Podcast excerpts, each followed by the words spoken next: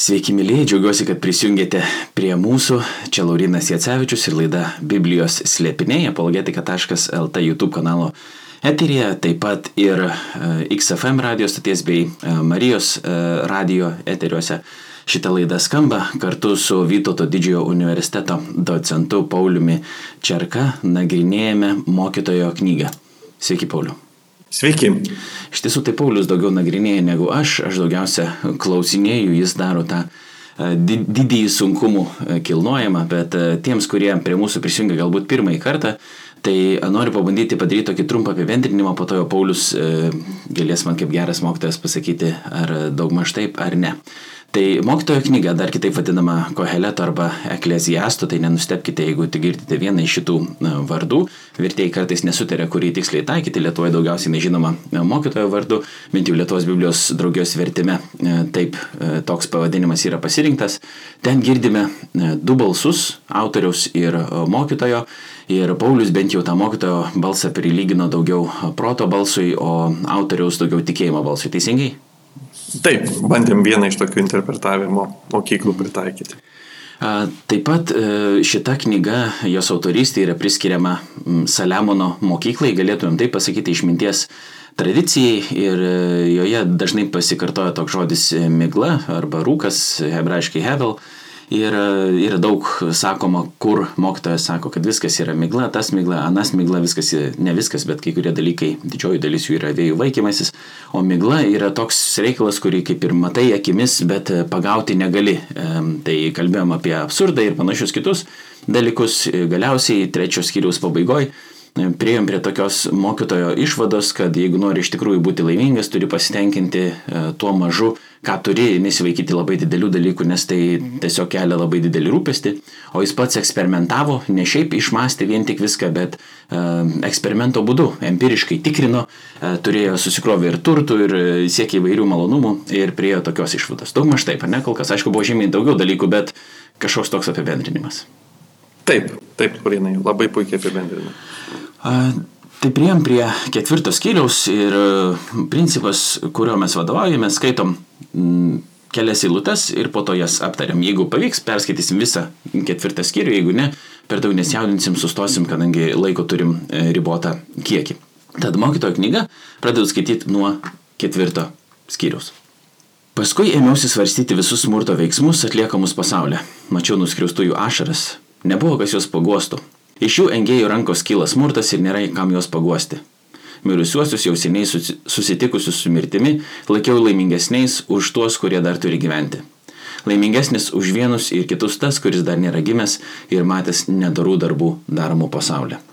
Iš tikrųjų, tos eilutės labai pritinka nudienos kontekstui, ne tik karas Rusijos Ukrainoje, bet taip pat ir Hamas užpuolė, bent jau kai mes įrašinėjom dabar šitą laidą prieš kelias dienas, Izraelį daug aukų, e, paskelbtas karas, vėlgi ne tik kažkokia karinė operacija ar, ar veiksmai. Ir e, panašu, kad tai nėra visiškai naujas dalykas. E, karas yra žmonijos palidovas praktiškai visą jos istoriją. Mm, ir kad ir kaip tai būtų gaila, bet mokytojas svarsto, šitos veiksmus, sako, paskui ėmiausi svarstyti visus smurto veiksmus atliekamus pasaulyje, mačiau nuskriaustųjų ašaras, nebuvo kas jos paguostų, šengėjų rankos kyla smurtas ir nėra kam jos paguosti. Pasvarstykim truputį tą smurto temą ir konkrečiai tą klausimą, e, ne klausimą, bet tą teiginį, kurį sako mokytas, kad nėra kam jos paguosti. E, iš kur kyla smurtas, kodėl tai mums yra svarbu ir ar iš tiesų nėra jokios pagodos. Taip, e, mokytas kalba apie socialinę neligybę.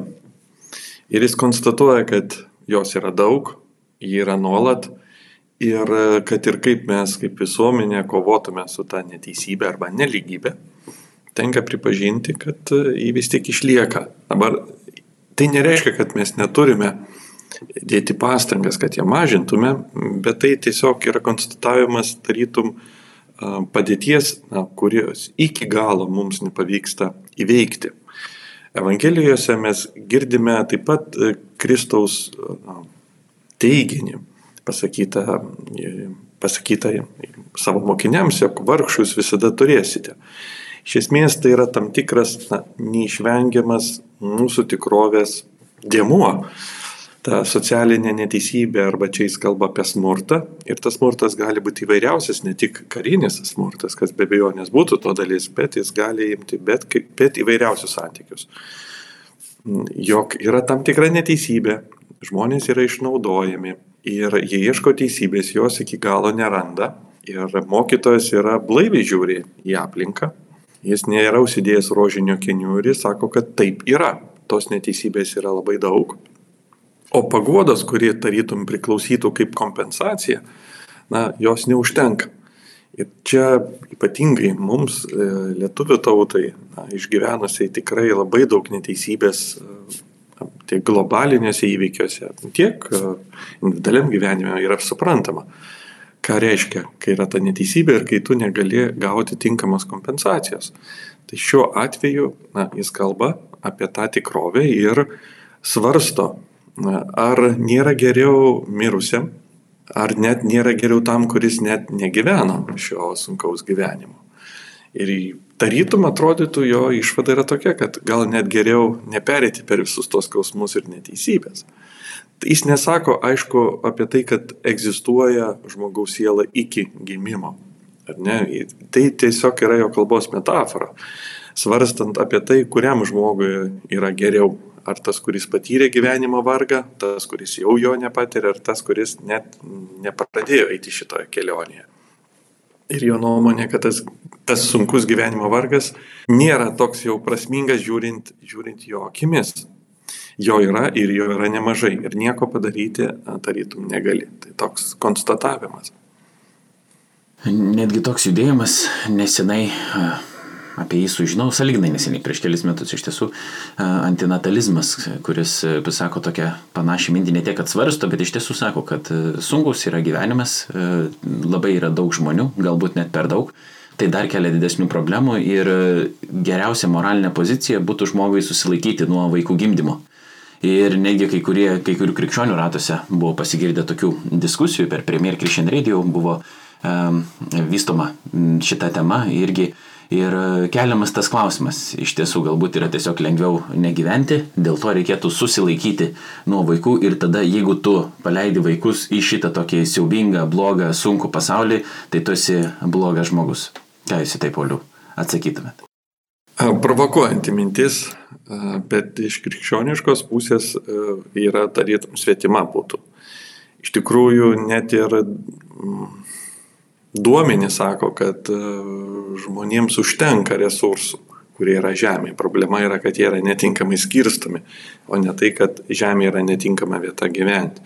Tai yra problema mumise, žmonėse, mūsų visuomenėse, toje neteisybėje, kurie yra, o ne tai, kad e, žemė tampa netinkama vieta gyventi. Todėl greičiau reikia kelti klausimą ne ar tai, kad mums nereikėtų na, gyventi, tarytum pasitraukti ne, iš, iš šios žemės ar negimdyti vaikų, bet greičiau kelti kitą klausimą, kaip padaryti šitą gyvenimą geresnį ir teisingesnį, ką mes turim pakeisti savyje ir aplink save. Tai greičiau aš taip užduočiau klausimą, keistis savo na, gyvenimą ir, ir su tuo galima diskutuoti, reikia diskutuoti, negu panaikinti patį gyvenimą.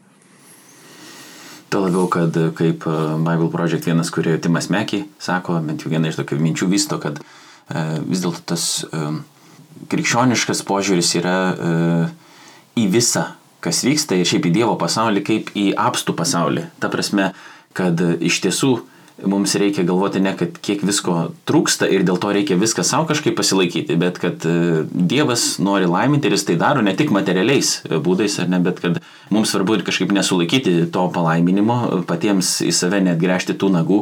Ir čia yra didžiausia problema, kas bent jau krikščioniškai yra įvardinama kaip e, nuodėmė, ar ne?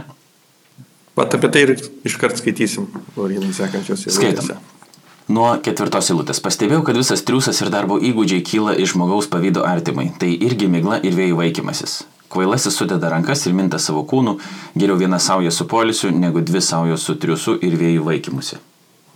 Tai ketvirtoji eilutė mes kalbam apie taip vadinamą amžiną variklį konkurenciją, kuris skatina varžytis ir pasiekti geresnių rezultatų. Bet panašu, kad pati konkurencija yra siekis įrodyti prieš savo artimą, kad esi pranašesnis, geresnis. Ir iš tos pusės žiūrint, jeigu jinai iš tikrųjų tai yra motivuota siekiu įrodyti savo pranašumą, na, nėra jį tokia jau a, įdomi žmogui gyventi. Kartais a, diskutuojama, ką reiškia būti na, turtingu ir sėkmingu. Teko perskaityti vieną tokį apibrėžimą pateiktą psichologų, jog a, žmogus laiko save turtingu, kuomet yra sėkmingesnis negu savo žmonos sesers brolis. Tu kažkuo save lygini, tuo savo artimu ir tada pagal jį kaip atskaitos tašką varžaisi tarytum su juo šitam gyvenime.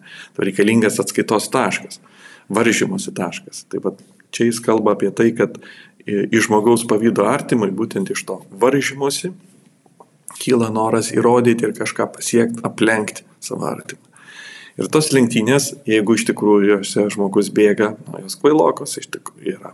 Toliau mes kalbam apie labai e, gražią alegoriją ir metaforą apie kvailį arba tinginį, kuris sudeda rankas ir minta savo kūnų. Ir apie tą, kuris geriau turi jau vieną savoje su polisiu, negu dvi savoje su triūsu ir vėjų vaikymus. Reiškia, mes matom tris modelius. Tuščios rankos, viena ranka pilna, kita tuščia ir abi pilnos rankos. Ir mokytojo nuomonė, tie kraštutinumai nėra veikia sprendimai. Tas, kuris nieko neveikia, ekleziastas nesiūlo eiti jo keliu, jisai baigia tuo, kad turi valgyti pat save. Na, tai yra metafora, suprantama, kad tai atsiliepia jo ekonominiam, socialiniam gyvenimui, o galų galia ir sveikatai. Jeigu tu neturi ekonominių resursų, pas tave neusimesga, negali ir pasirūpinti savim, o jeigu tu nevykdai jokios veiklos, dažniausiai tau sunku užmėgsti ir socialinį gyvenimą, socialinius ryšius. Taipgi tas tinginio gyvenimas jisai yra, na, nėra jau toks perspektyvus ir baigėsi tuo, kad tenka sunaudoti resursus, kuriuos turi suvalgyti pačiam save. Kita vertus, kitas kraštutinumas yra dvi pilnos rankos. Bet ekleziastas taikliai išreiškia, kad pilnos rankos rūpešių, reikalų, tarytum to triuso. Ir nepaisant to, kad žmogus yra labai labai užsiemęs, realiai na, jis yra užsiemęs reikalais. Ar tai yra geras sprendimas? Vargiai. Geriausias modelis yra balansuotas. Viena tuščia ranka, viena pilna ranka. Tai nereiškia, kad e, savaitę reikia skirstyti į dvi lygias dalis, Bet tai reiškia, kad gyvenime turi būti vietos ir polisiui, ir darbiniai veiklai, ir reikalam, ir palisėjimui nuo jų. Būtent tam tikras balansas tarp tų dviejų gyvenimo sričių ir yra tai, ką moko ekleziastas, tik taikliai sakydamas, kad dvi pilnos rankos e, arba saujos reikalų, jis aprašo tą užsiemusi žmogų ir priešingai tinginį, kuris sėdi tušiomis rankomis, bet tenka valgyti pačiam save. Gal dar norėjau klausytojams, mm, skaitant Ekleziasto knygą, turbūt būtina perskaityti mums vieną iš evangelinių istorijų palyginimą apie turtuolį. Luko, mes jį sutinkam Luko 12 skyriui nuo 16 eilutės. Jis betarpiškai susišaukė su mūsų nagrinėjimom temom, tiek šiomis eilutėmis, tiek prieš tai buvusiamis praeitų skyrių eilutėmis, nes čia mes sutiksime netgi tos pačius mokytojo knygos žodžius 19 eilutėj. E, tarsiu mano sielai, tu turi daug gerybių, sukrautų ilgiems metams, ilsiekis, valgyk, gerk ir linksmai pakeliauk.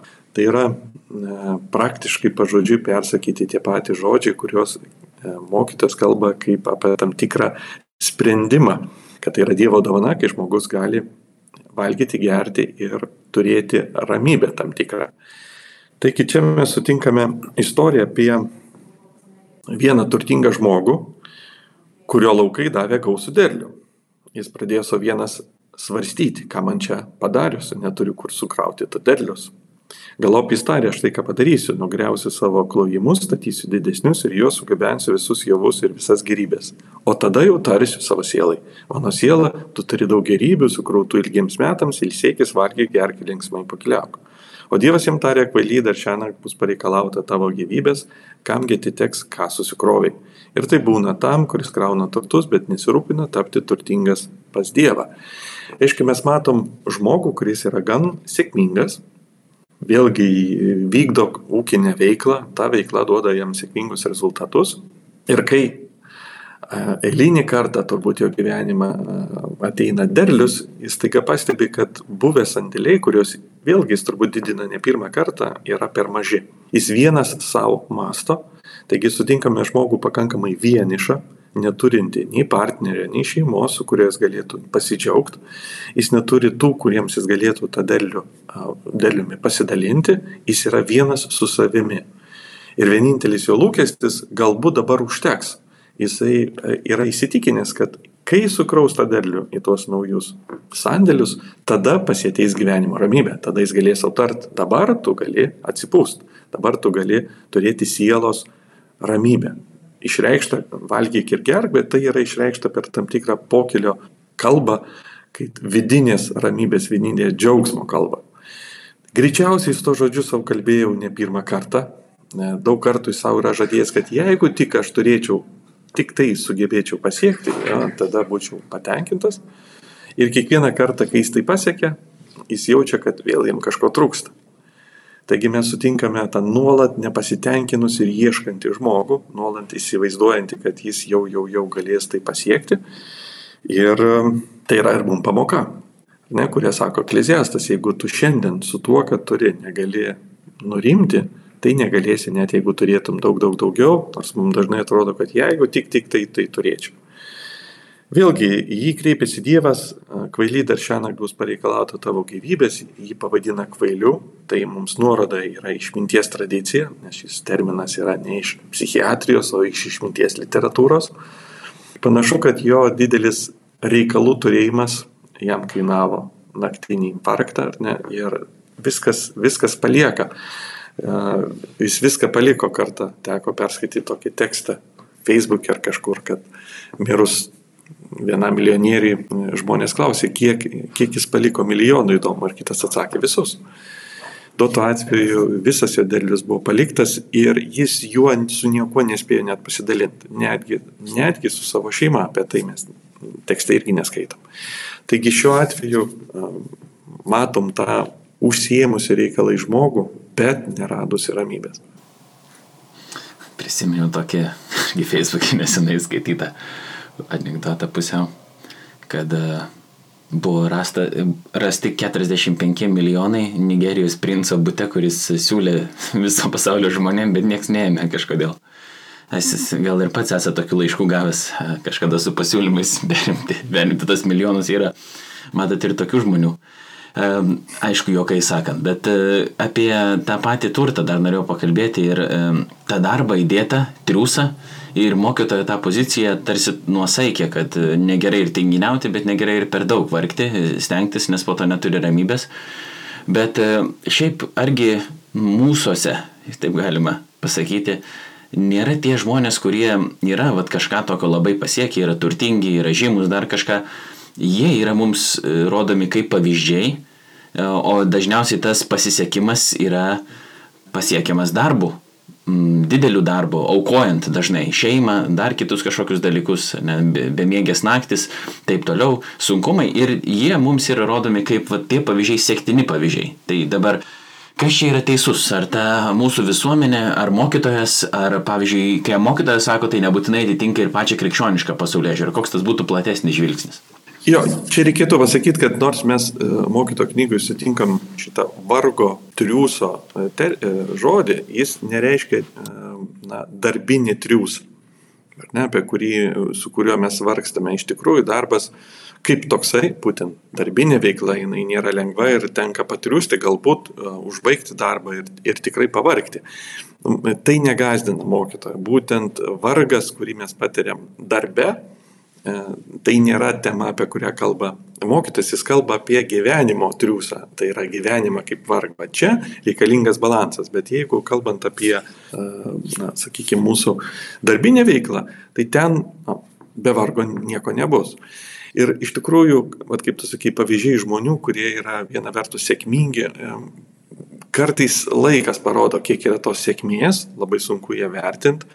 Jis niekada neteina lengvai ir tikrai reikia daug dirbti, kalbant apie va, tą darbinę veiklą. Bet tvari sėkmė būna pa žmonės, kurie tikrai subalansuoja gyvenimą. Sveikatos, šeimos santykius, visuomeninė veikla ir darbinė veikla. Dėl to ir sakoma, kad, pavyzdžiui, už ten sėkmingo vyro visada stovi jo žmona, jo partnerė, ar ne, jis dažniausiai yra ta dalis, kurį jį palaiko ir dažnai mes gali net ir nematom, mes matom jo vieną veiklos pusę, bet nematom visos komandos arba jo šeimos gyvenimo nematom ir dėl to kartais e, vien sakykime, komercinės sėkmės pasiekimas, na, jis yra per menkas faktorius įvertinti žmogaus gyvenimo sėkmingumą ir prasmingumą. Taip tikrai negalima matuoti. Bet, e, kaip ir sakau, mokytojas nekalba apie na, darbinės veiklos, vat, sakykime, e, klausimais, kalba apie gyvenimo sunkumų, ne, kad reikalai neturėtų užimti mūsų viso gyvenimo, vaikymasis turtų. O šiaip darbas yra sunkus, kaip toks. Bet šiuo atveju mes naudojame jį kaip gyvenimo vargo ana, analogiją, alegoriją, ar ne tą terminą triūso, o ne darbinio triūso. Į tai aš irgi norėjau kažkiek sureaguoti, kad e, ta sėkmė dažniausiai ir yra e, vertinama kaip e, turtai ir žinomumas. Bet tas pats gyvenimas gali būti labai sudėtingas, prastas, su daug psichologinių problemų, su daug santykių problemų, kaip minėjau, iširusiam santokom ir panašiai. Ir tada kyla klausimas, ar nereikia persvarstyti tos pačios sėkmės ar sėkmingumo sampratos, kurią, kurią mes turim. Ne, ir tada jau mokytojo čia tos išvalgos yra su tuo susijusios, ką reiškia gyventi tikrai tą gerą gyvenimą. Ir nors nu, teisingai pastebėjot, kad tai yra ne, ne vien apie darbą kalbama, bet darbas neišvengiamai yra gyvenimo dalis ir nemenka gyvenimo dalis. Aišku. Taip. E, bet čia buvo dar irgi kalbėta apie tai, kad tas e, turtuolis, kuris kaupė, e, kaupė savo turtą, buvo e, vienišas. Ir kitos eilutės apie tą dabar ir kalba. Apie draugystę, apie santykį, apie bičiulystę, tai paskaitom toliau. Mačiau ir kitą pavyzdį miglos pasaulyje. Vienišą žmogų be jokių bičiulio, be sunaus, be brolio. Tačiau visam jo triusų nėra galo ir jo akis nepasisotina turtais. Kamgi triusių klausė į savęs atsisakydamas pasitenkinimo. Tai irgi migla ir blogas užsiemimas. Dviem geriau negu vienam, nes jie gauna didesnį atlygį už triusą. Jei vienas iš jų suklumpa, kitas padeda bičiuliui atsikelti, vargas vienišam žmogui. Juk kai suklumpa, nėra kam jį pakelti. Panašiai dviese, mėgodami kartu, šildo vienas kitą. O kaip gali vienas mėgodamas šiltai jaustis? Vienišą žmogų lengva įveikti, du gali vienam sėkmingai pasipriešinti. Trilinką virvę nutraukti nelengva. Mokytis kalba apie draugystės svarbą, išskiria skirtingų tokių pavyzdžių, net ir e, bendroje kažkokioje veikloje, kad yra lengviau dviese. Bet e, įvedant tokią diskusiją, kyla tu klausimas man skaitant tokias eilutes. Dviesi ne visą laiką yra lengviau. Atrodo taip, jeigu tu turi tokį, kuris tave palaiko ir pakelia ir gali pasitarti, tai yra labai gerai. Bet jeigu turi, nors vėlgi ne apie vėl darbo veiklą čia eina kalba, bet e, kai, pavyzdžiui, kalbama ir apie verslo kūrimą, kai kurie sako, su draugu arba su šeimos nariu geriau verslo nekurk kad ir dviesi atrodytų geriau, bet geriau verslo nekur nesusipyksi. O kodėl susipyksi? Dėl to, kad ten yra pinigai, ten yra turtas, kuris jau mūsų širdis prie to ryšasi ir tada kyla įvairūs klausimai, kaip įdalintis, taip toliau.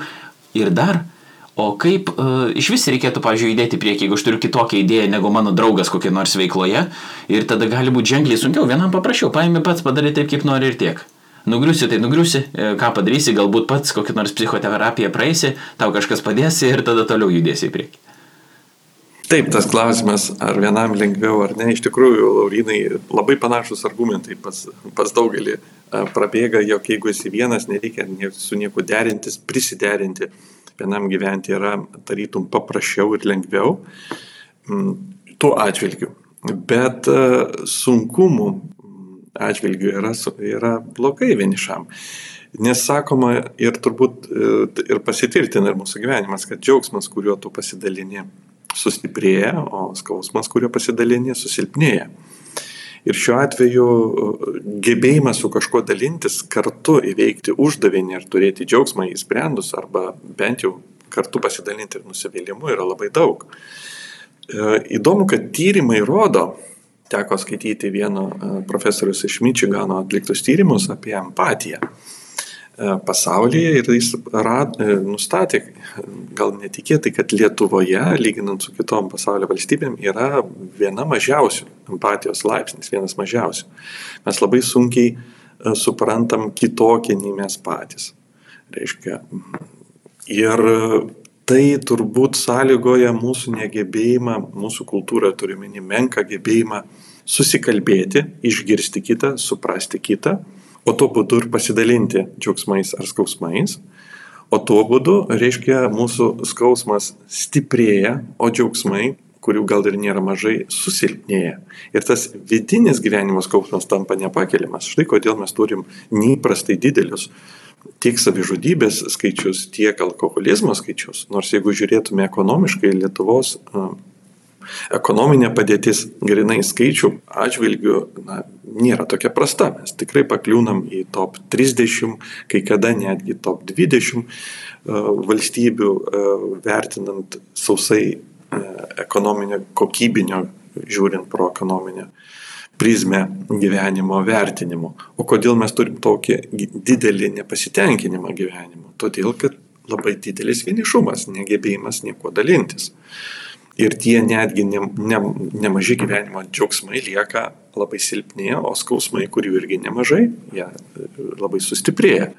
Tai šiuo atveju partnerystė nebūtinai šeimoje. Čia Ekleziastas nekalba apie šeimos modelį, jis kalba iš principo apie partnerystės modelį gyvenime. Jog žmogus yra politinė, socialinė būtybė, jau tą sakė ir senovės graikai, ir Aristotelis, akcentavo, kad nu, mes turime rasti santykių su kitu.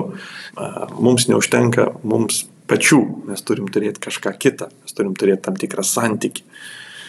Tai šiuo atveju tai tinka ir verslo bendruomeniai, tas tinka socialiniams ryšiams, šeimos bendruomeniai, tautai taip pat tinka kaip išplėstai šeimos versija, ar ne. Tai svarbu nelikti su savimi pačiu ir gebėti dalintis džiaugsmais ir skausmais, turėti tą, su kuriuo tu daliniesi, šiuo atveju na, gyvenimas daug įdomesnis tampa.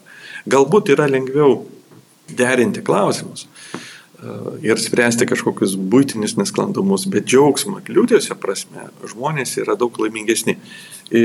E, teko bendrauti e, su viena vienuolė, kuri pasakoja, kad sako, mes vienuolynė jaučiam didelį skirtumą tarp tų sesių vienuolių, kurios visą laiką gyveno bendruomenėje ir tarp tų, kurios buvo, gyveno na, vienumoje. E, ta prasme, kad vienumoje daug liūdnesnis. Jos sunkiau pakelia vėliau inkorporavimą į bendruomenį, jiems sunkiau yra, sakykime, rasti tą bendrą kalbą, nes jos neįpratusios. Vat, kaip tu sakai, yra labai lengva būti pačiu su savim, bet kita vertus, džiaugsmo yra mažiau toks paradoksas, ar ne, būtinių rūpešių daugiau, bet ir džiaugsmo daugiau.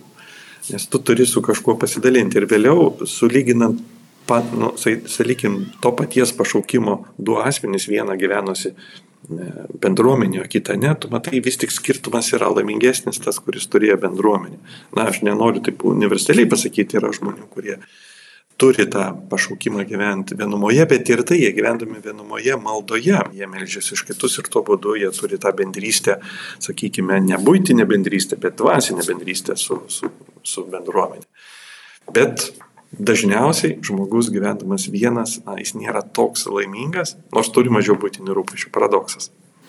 Ir net ne apie laimę tik galima kalbėti, galima kalbėti ir apie patį žmogaus charakterį. Jeigu tu esi pats savi pakankamas ir laimingas, bet e, galbūt susitikęs su kitu, tu esi tiesiog šlikštus žmogus, nes niekad tavo charakterio savo nereikėjo keisti, niekaip formuoti, niekad prisitaikyti, bet vis dėlto santykių yra neįmanoma išvengti. Užaukti yra neįmanoma be santykio, žmogus nėra nuo pat gimimo savi pakankamas, jį kažkas turi užauginti, vaikas vienas pats. Jis ir atsiranda iš santykio ir auga santykė, tik tais tam tikrą amžių pasiekęs jis galbūt gali save išlaikyti, bet ir tai praktiškai yra neįmanoma, net ir šiais laikais, tai vis tiek e, elektrą, jeigu kažkas tiekia, tai už to yra žmonės irgi, jeigu netiesiogiai patiria tą santykį, tai bet kokiu atveju jisai egzistuoja. E, ir teologiškai taip kalbant, juk mes irgi galim sakyti, kad žmogus yra sukurtas iš santykio, treibinio Dievo santykio santykiui. Ir dėl to, jeigu sakom net, kad to santykių nereikia, gali būti, kad save apgaudinėjom, nes tokia yra mūsų prigimtis, mes esame santykiškos būtybės, pirmiausia turėti santykių su Dievu ir tada turėti santykių su kitais žmonėmis, kad ir kaip tai yra atrodytų sudėtinga. Ir mūsų mėgstamas abiejų teologas Gevinas Ortlundas kalba apie Anzelmą, kad jis rašė apie draugystę ir yra jo laiškų lygiai ir išreikė irgi, kad tie tokie labai šilti savo draugams, vienuoliams ir tokie meilės persmelkti. Ir sako, šio laikinis pasaulis net nelabai gali suprasti tų laiškų tokio esmės, nes jie tokie labai labai atrodo tokie, nu, karštos širdies tie laiškai. Ir kiti net pradeda kilnoti antakius, sakyti, gal kažkas negerai tam Anzelmui yra, gal jisai turi kokį nors tokių homoseksualių polinkių, kas jam yra dabar čia, bet iš esmės, kad e, ta meilė kuri yra kitam žmogui, jinai nebūtinai yra romantinė meilė. Ir iš tikrųjų draugiška, tokia draugystės meilė, gili dvasinė meilė. E, mes, Gevinas Ortlandas taip vertina, sako, mes esame šitą dalyką praradę.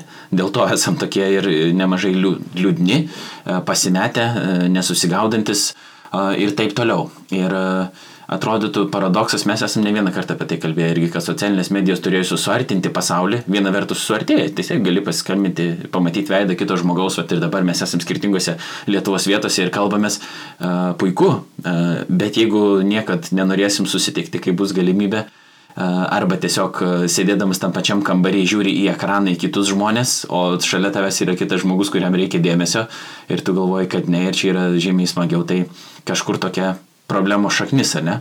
Taip, mes galim bendrauti tarytum na, su nepažįstamai žmonėm ir įsivaizduoti, kad mes su jais bendravom dažnai, bet būna Laurinai, turbūt tu irgi esi žinomas žmogus nu, tam tikrose ratose ir dažnai galbūt tave sutikę žmonės jaučiasi, kad turi juos pažįsti, nes jie tave yra daug kartų girdėję, bet iš tikrųjų tas ryšys nesusiformuoja ir kartais iš tikrųjų žmonės seka, followina influencerius taip vadinamus, arba žiūri kino žvaigždės ar kažkokius tai filmus, aktorius, net netikrus gyvenimus, menamus gyvenimus ir įsivaizduoja, kad turi kažkokį santykį, bet jis yra netikras. O santykio su tėvais, su vaikais ar draugais nekuria, nes nu, jie nėra tokie e, žavus ar ne, kaip, kaip galbūt e, žinomi žmonės.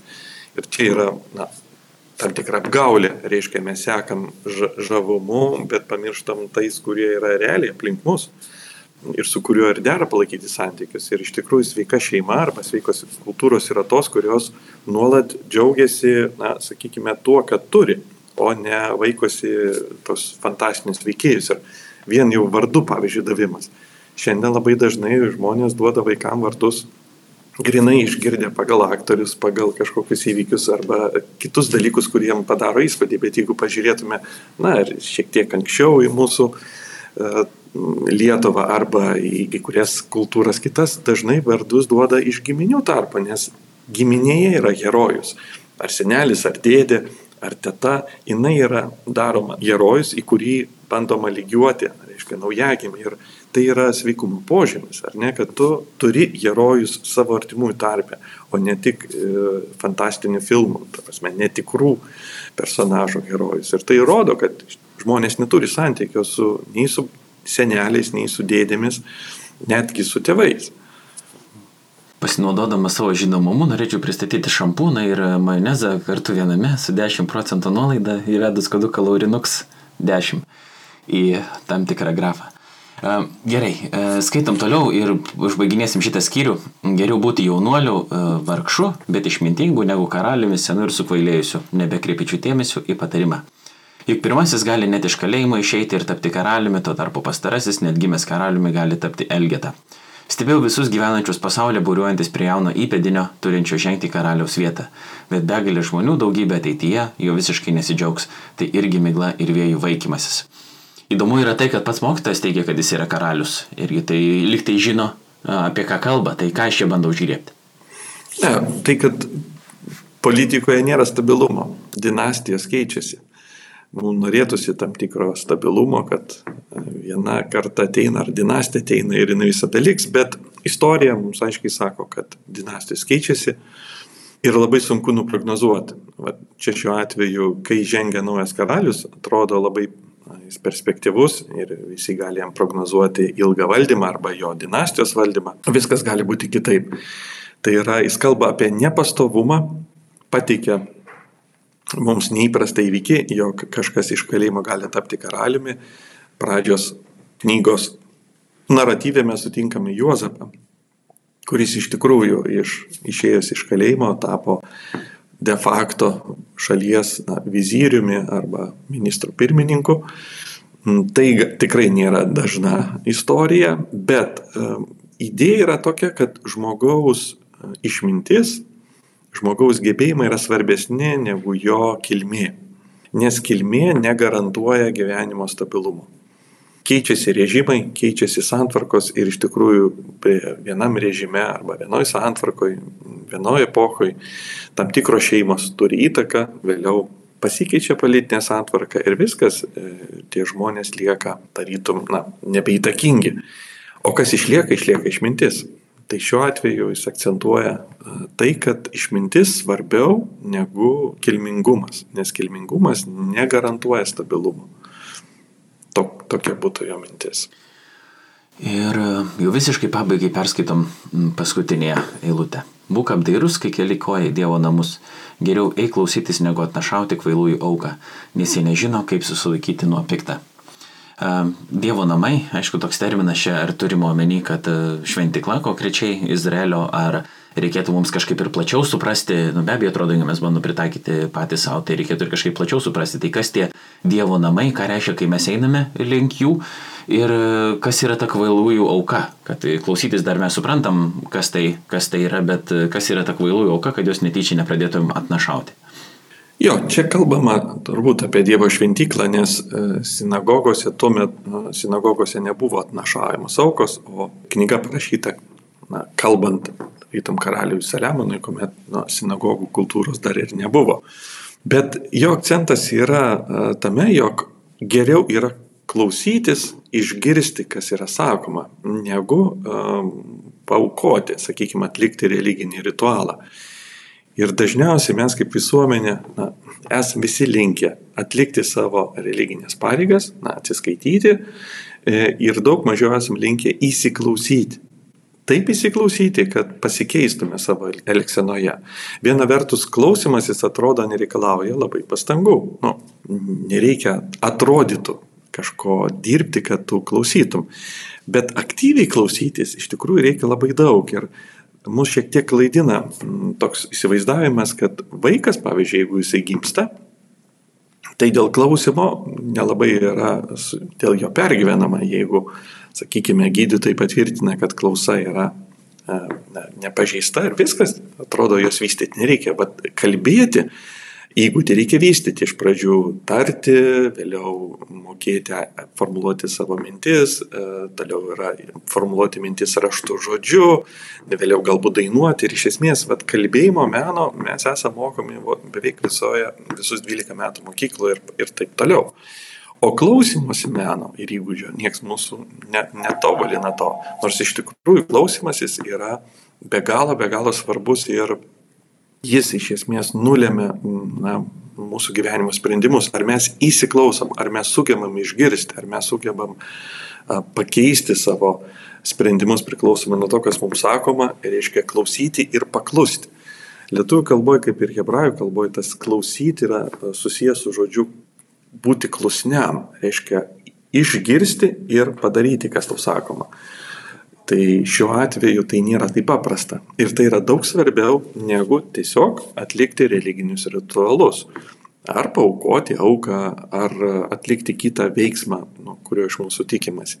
Tai šiuo atveju religiniam gyvenime didesnis svarba yra įsiklausime ir gyvenimo keitime, reiškia klusnume mūsų o ne uh, lyginant su tuo, sakykime, kaip religinių pareigų įvykdymui.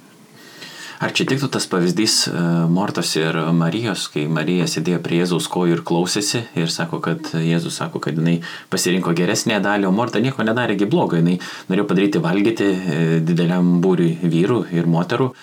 Ir jinai pyko, kad vat, jinai daro čia tokį gerą darbą dabar, o o tas, kuris sėdi, nieko neveikia, jisai laikomas yra kažkaip geresniu ir arba pasirinkusiu geresnę, geresnę dalį, nors atrodo tas maisto darimas, anu, šia religinis ritualas, bet kadangi daroma kaip ir Jėzui, e, viešpačiui, tai netarsi tai gauna tą tokį kitą lygmenį kažkokios atnašos, kaip, kaip ar, nu, tokį religiškumo galėtum sakyti e, lygmenį, bet iš principo e, situacija yra tokia, kad galima daryti daug gerų dalykų, vardant kažko, vardant Dievo ar vardant kitų žmonių, bet e, jeigu nesustoji niekad įsiklausyti, kad būtų perkeistas ir po to klusniai vykdyti bent jau Dievo valios, tai tada tai tampa problema. Ir, kaip dažnai kai kuriuose ratuose, bent jau evangeliniuose, mėgstama sakyti, nekyvais darbais. Taip, taip, Lorinai, galima galbūt pateikti ir tą istoriją. Aišku, kad abi moteris buvo devotos ir abi darė gerą sprendimą. Ir čia galbūt Mortai priekaištas būtų ne dėl to, kad ji dirba, bet dėl to, kad ji nesugebėjo suprasti Marijos veiksmo, svarbos, įsiklausimo svarbos.